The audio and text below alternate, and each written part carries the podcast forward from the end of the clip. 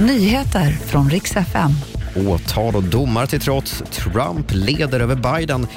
Och så ska det handla om mannen som klättrade upp och ner för ett berg baklänges.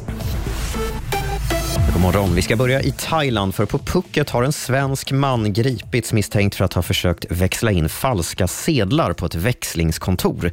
Polisen fick upp intresse för mannen efter ett tips och enligt lokala medier sitter han nu på en polisstation där han ska förhöras. Det här skriver Expressen. Nu ska vi till USA för Donald Trump ser ut att ha ett betydande övertag i opinionen inför höstens presidentval.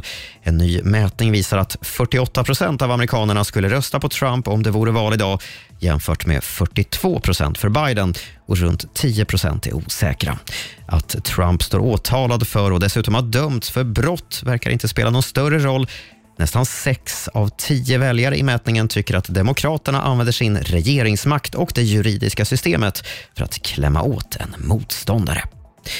Sist ska vi säga grattis till en man från Storbritannien som heter Ben Stewart för han har lyckats med något lite märkligt och framförallt unikt. Han har klättrat upp för Afrikas högsta berg, Kilimanjaro, baklänges och inte bara det, han klättrade också ner de 5 895 metrarna på samma sätt, alltså baklänges. Det här är han alltså först med att göra i världen. Alltihop gjordes för att samla in pengar till hjärnforskning och han fick ihop motsvarande 180 000 svenska kronor.